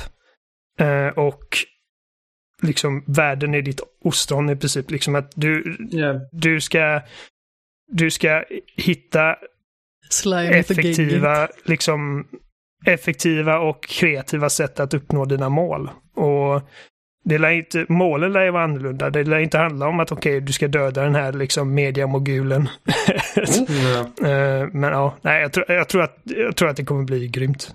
Ja, Ja, jag typ, tror det kommer Ta bli fast den här personen och pressa den på information eller någonting. Jag Ja. tror det kommer vara mycket mer eh, berättelsedrivet och jag tror det kommer vara mycket mindre eh, hela Hitman-grejen och mycket mer action i det också. Mindre sandlåda helt enkelt. Min, fortfarande lite sandlåda liksom med flera val man kan gå men jag tror det kommer, vara, det kommer inte vara det som är fokuset. Jag tror det är mer personen James Bond och liksom Jag tror, Eh, absolut, jag tror absolut att det kommer vara mer storydrivet. För att det, är, är ju det är inte ett ord man använder för att beskriva deras i alla fall de senaste bra Hitman-spelen.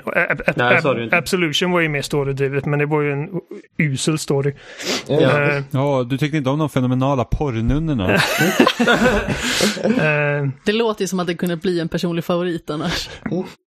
Nej, men jag, jag tror helhjärtat på det projektet. Och det, alltså, Ja, det är det klart att det kan liksom komma och bita mig i röven sen när det kommer. Man vet ju aldrig. Men, Nej, nej, men jag tror det Nej. kommer bli bra. Jag, tror, jag, jag, jag förväntar mig dock inte ett uh, stealth uh, hitman-aktigt spel liksom. Men uh, det, Jag det som är intressant är också att det är Hitman 3 är första självsläppta spelet av IO Interactive. Men jag tänker mig lite är det här coolt. uppdraget i Uncharted 4, när man är med Just det. brodern och Sully Mm. Just det. och är liksom på en stor bankett eller vad det nu är. Lite Ja. så tänker Ja, jag mig men- att ja, det kommer vara. Exakt, det är den bilden man har. Mindre liksom cinematiskt givetvis. Eh, Ja. mer organiskt och, eh, och eh, oskriptat givetvis. Men, Ja. men tonen och liksom... Ja. Och, vad, vad hoppas vi på ton? Hoppas vi på eh, typ Pierce Brosnan-Bond, Daniel Craig-Bond eller vad, vad vill vi ha där? Att de ska göra sin egen tycker jag. Alltså, nu är Ja. inte jag en jättebond-fantast, men det känns ju som att när man ska ta sig an ett sånt här uppdrag så är det väldigt lätt att dras lite mer åt något håll och att göra någonting som är lite mer sitt eget. Då är det liksom lättare att Mm. kritisera eller liksom, det, det är lättare att, eh, ska man säga, nu tappade jag ord totalt. Men alltså det du menade Jimmy, det var, det var väl inte... Du tänkte tonen, inte att... åh, Ja, vill precis. vi ha. Pierce Brosnan som karaktär? Nej. Nej, nej, nej, jag antar att de kör liksom en Bond som ser ut som ingen annan Bond. Ja. förutom Nej, att man kan se att det är en Ja, men Bond. det var lite det jag tänkte, Ja. liksom att man försöker att eh, inte efterapa eh, liksom- någons maner eller någons utseende, utan eh, Men vill man ha ett så här 60-tals spionglam eller vill man Ja, köra liksom, ett- ja, eller Ja. vill man köra liksom något mer typ råare, lite mer down to earth om man säger så. Jag Ja, hoppas lite att mer de kör nutida. något som, som tar sig på tillräckligt mycket allvar för att man ska vara investerad i det. Men ändå att det ska vara lite humor och knas och sådär. Lite bäst av båda världar med Bond. Alltså, sen så vet jag ju att Mm.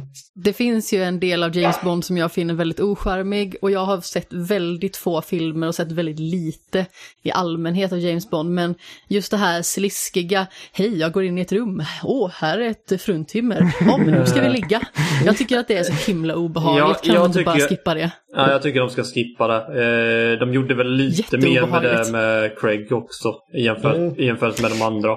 Eh, Förstå hur många gamertårar som hade kommit om det visar sig att deras James Bond är en kvinna. Oh. Det hade varit Den- fantastiskt. Den enda grejen med hela Skyfall som jag verkligen inte är överens med är liksom att han, att han väljer att, eh, att ligga med henne, Severine eller vad hon heter. Eh, bara, bara dyker upp med, eh, liksom in i duschen med henne efter att ha träffat henne tio minuter sedan. Så här typ före detta barn, liksom sexslav. Som ska leda honom till hans mål. Och att, ja, för att jag uppskattar verkligen det i Casino Royale för att alltså en grej en viktig grej med James Bond som, som karaktär, eller viktig, en, en väldigt En karak- del av. En karaktärisk ehm, En ka- aspekt av James Bond. en känd aspekt med James Bond är att han använder liksom sin sexappeal för att liksom eh, komma dit han vill. Eh, och jag menar, för, förut, eh, fram till, eh, till Casino Royale känner jag väl kanske att det finns undantag givetvis, men, men då har han liksom alltid tagit det hela vägen, att han har hamnat i säng med dem. Men Mm. jag, var, jag var så jävla imponerad och jag tyckte det bara kändes så jävla fräscht när jag såg Casino Royale på bio. Liksom att han, han raggade till sig den här bruden som var gift med hans måltavla. Och pressade henne på information på ett liksom väldigt subtilt sätt. Och när det ser ut som att hon är redo liksom att slänga sig i säng, då sticker han för att han har informationen han behöver redan. Liksom. Mm. Eh, så att han använder liksom sin sexappeal och liksom sin ehm, eh, sin charm och liksom sin så här, manliga tilldragningskraft för att nå målen han behöver nå. Eh, men det är alltid målen som, som, liksom, som är i fokus. Och eh, ja, jag tyckte alltså, som sagt, Skyfall, den, det är just den scenen, annars älskar jag den filmen. Jag har för mig att han var väldigt sluskig i Spectre också. Ja, ja jag, ha, Mm. jag hatar den filmen. Så, bara, åh, här är min liksom gamla typ eh, spionmotståndare som är döende. Åh, du har en dotter? Okej, ja, eh, jag lovar, jag ska hålla henne säker. Nu blir jag kär i henne och vi gifter oss, typ bla bla. Eh, Ja, jag har inte sett det men det där lät ju inte bra. Nej, Mm. Kommer vi få en ny Bond-låt i spelet? Det får jag hoppas. det hoppas jag. Alltså, Ja, man, jag tror en, en rendition av den. En liten eh, cool variant. Nej, Ja. nej, alltså de har ju alltid en ny låt för varje film. Så Jaha, den du menar film? Ja, du tänker så. Ja, men, Den senaste låten är ju faktiskt fantastisk måste jag ju säga. Jag vet att vi ska inte spoila Oliver för mycket på eh, någonting Nej, jag sitter kring fortfarande. Jag, bara, jag ska höra den låten i bion. Eller när jag ser filmen första gången. Eh, Och, så om att- bion finns kvar när James Bond Eller kommer när jag ser Ja. filmen första gången, precis. Eh, men jag, men alltså, typ Everything or Nothing eh, som gjordes av eh, Dead Space-killarna eh, på GameCube och PS2 och Xbox tror jag det var. Det, de hade en egen låt, Nightfire hade en egen låt. Alltså, Just det, det är sant. Nightfire Ja, ja, är väldigt okej. nice tycker jag. Jag, jag har väldigt dålig koll på James Bond. I spelmässigt. jag tror vi kan förvänta oss att de kommer ha en egen låt. Eh, Ja. Men är det, är det IO som ger ut det spelet själva också eller har de någon utgivare bakom det? Det De står gör att det det med bara... MGM och... eh, Jo, men det står att de ger ut det själv faktiskt. Ja okej, ja, men det är, ju, det är ju skitnice. Då har de ju säkert I lite alla mer fall kontroll på över projektet. Wikipedia. Mm. Jenny Tack, skickar tack. ett meddelande till mig här nu bara, det heter karaktäristiskt och hon har rätt. Ja, um, Okej, ja, de kanske ger Vi ut vill det. inte säga det. Mm. Tack Jenny. Jag Men bara jag- vet att... eh, De jobbar ju tillsammans med dem, men det är ju för att de har licensen. ja, precis. Mm. De, de eh, publicerar ju inte spel, de som har licensen. Nej. Eh, ja, nej, men det, det är spännande. Jag tänkte, ska vi snabbt gå in lite på Call of Duty kanske? Ja. Visst. Ja, visst. Mm. Eh, så, så detta är alltså eh, deras follow-up. Alltså det känns ju som, som en, den, en riktig uppföljare till första Black Ops. Karaktärerna eh, finns där och alltså det var så jävla länge sedan jag spelade de här spelen men jag vet att Black Ops har ju varit mycket mer liksom out there med sina liksom koko-idéer och de har haft liksom hjärntvätt och, eh, och mer liksom mindblowing twists och grejer. Mm. Och eh, det drogs till sin absoluta spets i, Black Ops 3 som jag bara hatade för jag fattade ingenting och det var bara helt obegripligt. Det är inte lika obegripligt här. Eh, det är liksom på en rimlig nivå tycker jag och jag, jag tycker kampanjen är jag gillade kampanjen trots att allting som jag älskade med Modern Warfare, det förra spelet, eh, ja, förra årets spel, eh, inget av det finns här. Modern Warfare kändes mycket mer avskalat. Det var liksom mer alltså, realistiskt, så realistiskt som kod kan bli i alla fall. Eh, och Ja. eh, kändes lite mer liksom grundat i, i verkligheten. Ehm, och det kändes liksom följsamt och det, det bara var oerhört snyggt. Eh, det känns... Black Ops Cold War känns liksom ryckigt i jämförelse och även om det har liksom så här Next Gen eh, Raytracing och sån skit, så känns det ändå som att det förra spelet var lite mer imponerande när det kom i alla fall. Och Jo. eh, alldeles väldigt tidigt i spelet eh, så får, får man spela det uppdraget som vi såg. Jag vet inte när, var det på Sonys nog- grej? Ja, jag tror det var Sonys Mm. grej. Du menar med flygplanet? Precis. Eh, Mm. Liksom så här, uncharted på steroider. Liksom att eh, man Ja. ska skjuta någon snubbe och han flyr iväg med, med flygplanet och man hoppar in i en bil och man liksom slow motion snipar folk från en liksom rörlig jeep in i andra bilar och det är bara helt galet. Och sen så när man inte liksom hinner ikapp planet så kör man iväg med lite radiostyrd bil istället som på något sätt lyckas vara ännu snabbare och kommer ikapp det hela planet. Och allting allting är liksom väldigt så här typ Michael Bay och det är väldigt liksom bara USA, fuck yeah och, och liksom alla jävla kommunister och fy fan. Eh, Men så- det var ju i och för sig Modern Warfare också tycker jag. Det var väldigt mycket eh, USA, USA. Ja, givetvis. Så, alltså alla spelen Är ju väldigt har ju där. liksom Ja, ett, absolut. ett mått av det givetvis. Eh, Ja. eh, och det är det som är grejen med, liksom, med eh, Modern Warfare-serien som jag känner liksom att jag, jag har alltid föredragit att spela som SAS. För att Mm. de, de känns lite mer att liksom de är inte lika bajsnödiga. jag vet inte hur jag ska... Men, ja, skitsamma. Det är som Black Vi Ops... förstår vad du menar. Ja. Mm. Eh, det som Black Ops eh, Cold War gör, som, som gör att det ändå liksom känns som, som gör att jag ändå är nöjd med det. Att det har liksom mycket mer. Dels så får du skapa en egen karaktär och välja bakgrund. Uh, uh, vilket sen reflekteras i spelet med olika perks.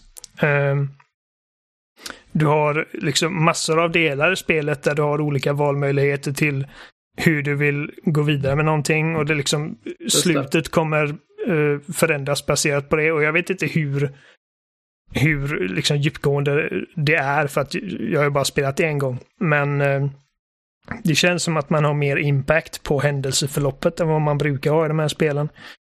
Och en grej som jag i slutändan tyckte var jävligt coolt, men som jag i början kände bara usch, det är att de har två sidouppdrag som du inte behöver göra. Men du kan göra dem. Och du kan även se till att eh, vad ska man säga? Alltså, vi tar ett exempel. I ett av uppdragen så ska du döda en, eh, en Sovjet eh, skurk av något slag. Ja. Och eh, han har... Eh... Ursäkta mig, herregud. Min hals. Ja, fy skäms. Vad händer? Ja, det, är, det är faktiskt hemskt av dig att göra sådär.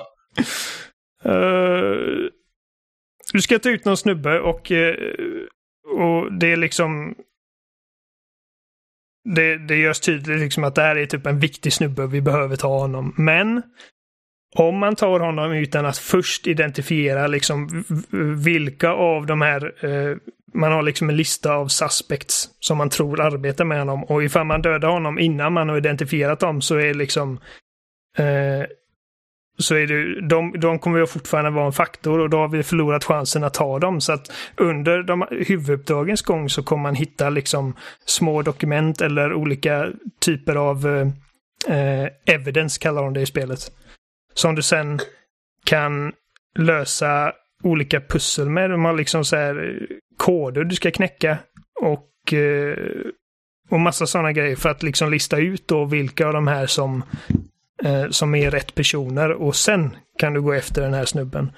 Um, och eh, det är rätt coolt för man känner liksom man har typ vad är, tre olika typer av, eller tre olika pieces of evidence som du ska liksom eh, cross-examina. Och, och, och kolla in och så har du liksom ett eh, diagram med massa konstiga symboler och siffror. Och så ska du försöka hitta någon mening med det och sen så använder du det.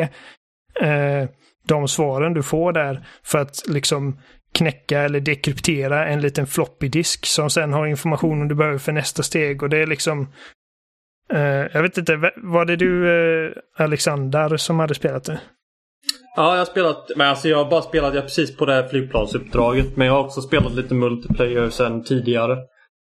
Okej, okay, ja men då, då har du inte kommit så långt. Nej. Uh, det var bara liksom, det var liksom en grej som jag tyckte var jävligt coolt med spelet. Att uh, de låter det liksom känna det lite som en codebreaker. Uh, yeah. En, en här investigator för att, för att nå det optimala uh, resultatet i ett uppdrag på de här sidouppdragen. Och jag tror att den punkten där spelet verkligen liksom grabbade mig var när man fick spela som en eh, rysk dubbelagent inne i jag tror inte det var Kreml, men, men någonting sånt ställe. Om det var typ ambassaden eller whatever. Och du, du får reda på liksom att du måste få tag på en eh, eh, krypterad nyckel så att eh, Adler, eh, alltså han som leder liksom teamet som du spelar som, ska kunna komma in och kunna ta sig in i volten och du måste samtidigt avröja liksom få ryssarna att tro att eh, det är någon annan i den här byggnaden som är mullvaden. Och liksom så att du går runt i det här, i den här byggnaden.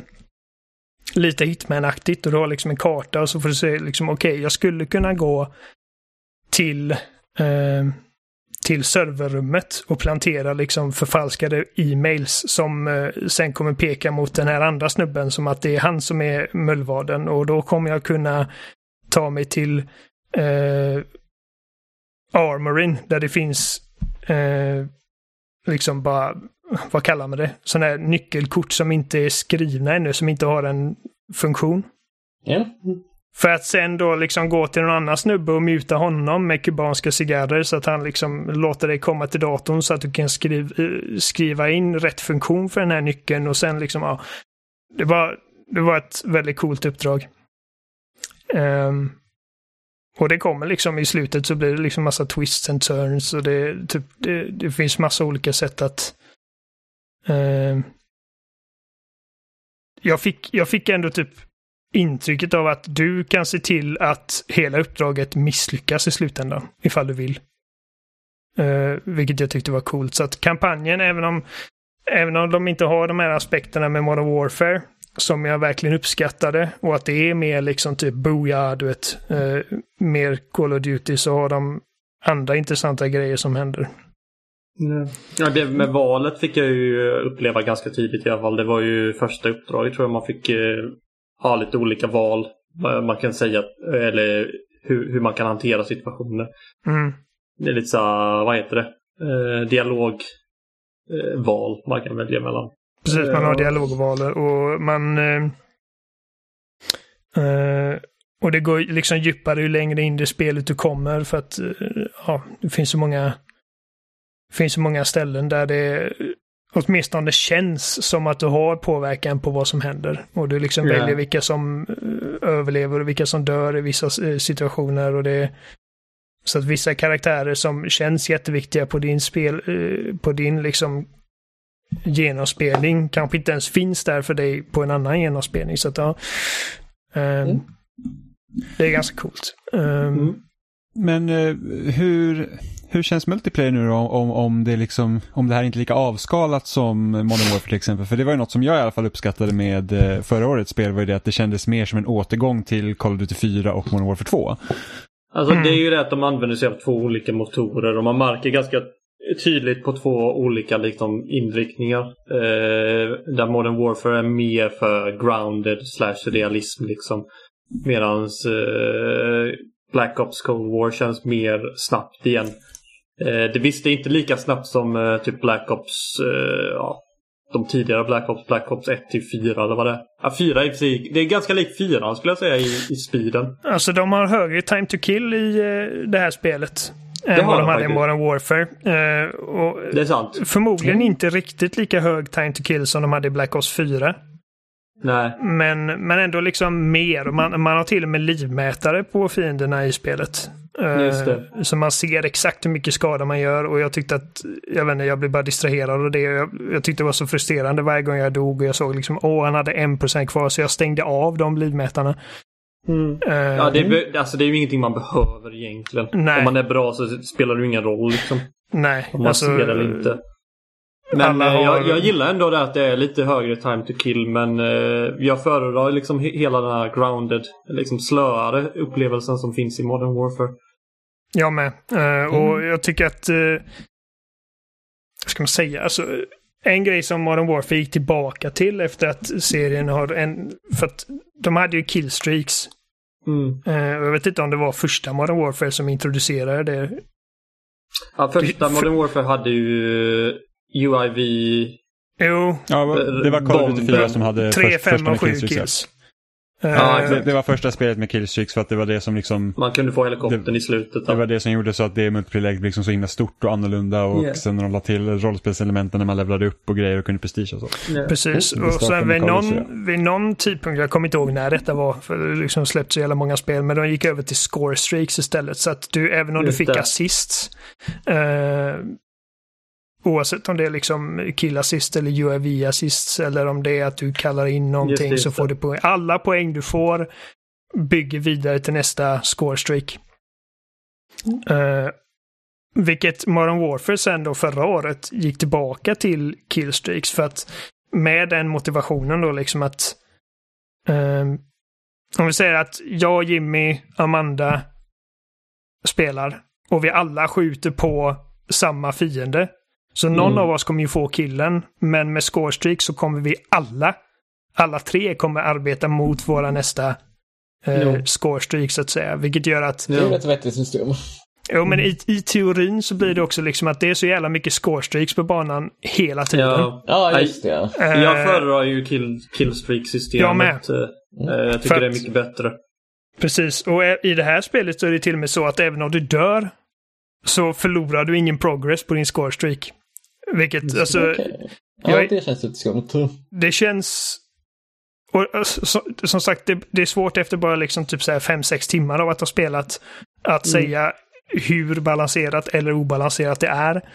Men eh, de, har, de har ju typ kontrat detta genom att göra att ifall du inte dör så får du mer och mer poäng för varje kill.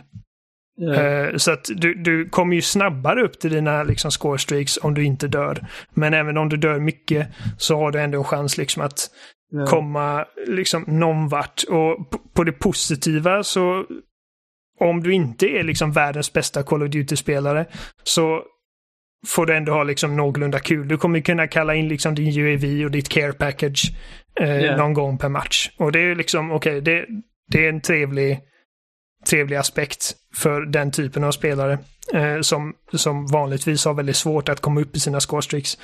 Mm. Men det innebär också liksom, som sagt, att det, det är så mycket jävla skit som händer hela Ja. tiden. Och det är liksom, det är helikoptrar och det är eh, så här, explosiva, typ RC-bilar.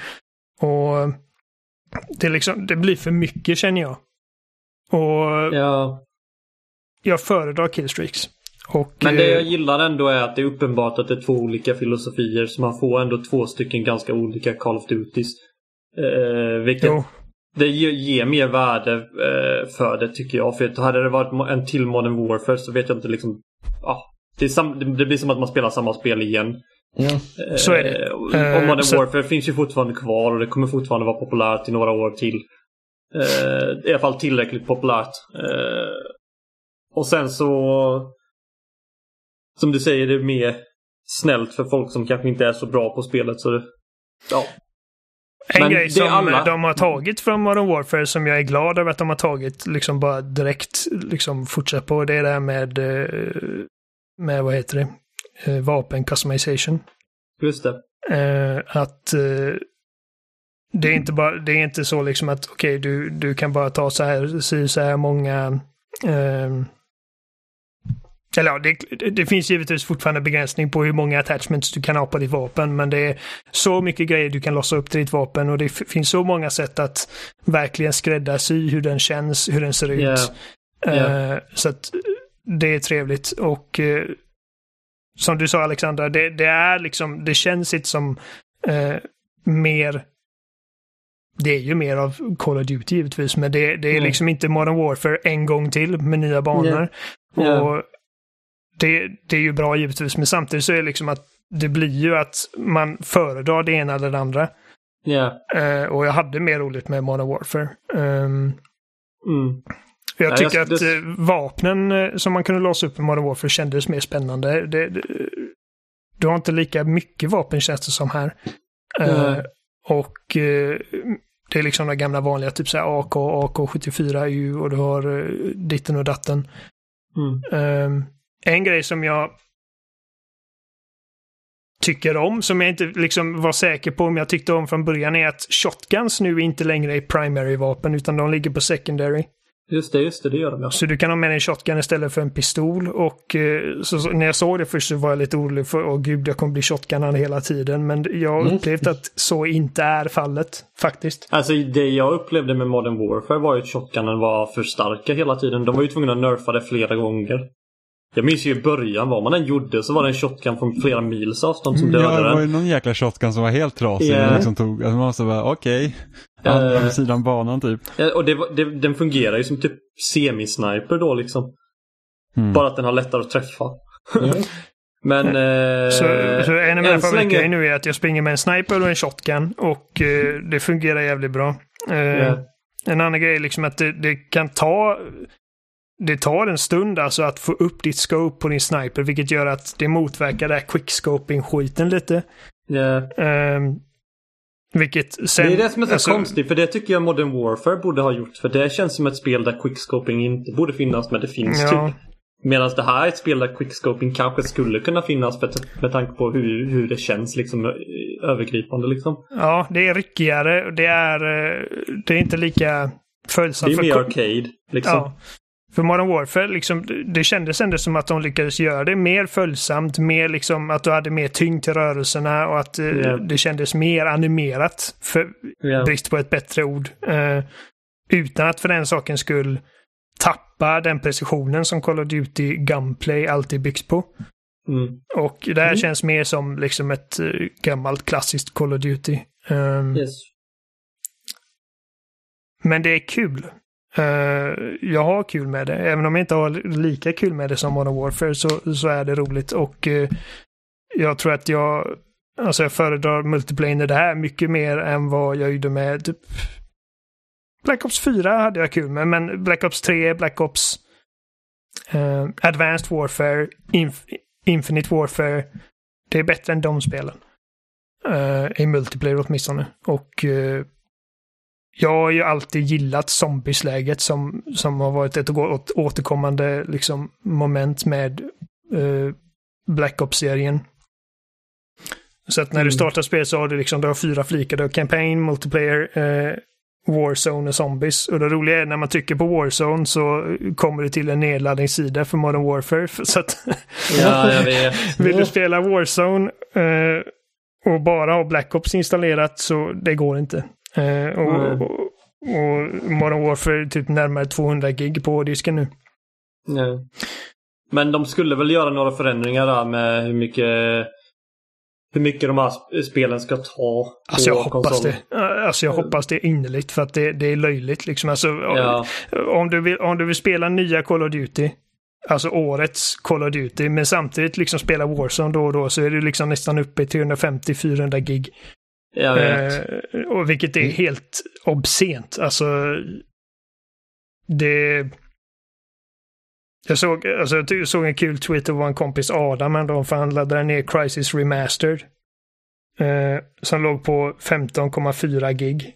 Och sen direkt efter i kön så hade vi en uppdatering till Call of Duty som var 15,4 gig. Så det är liksom, deras uppdateringar är stora som liksom andra spel.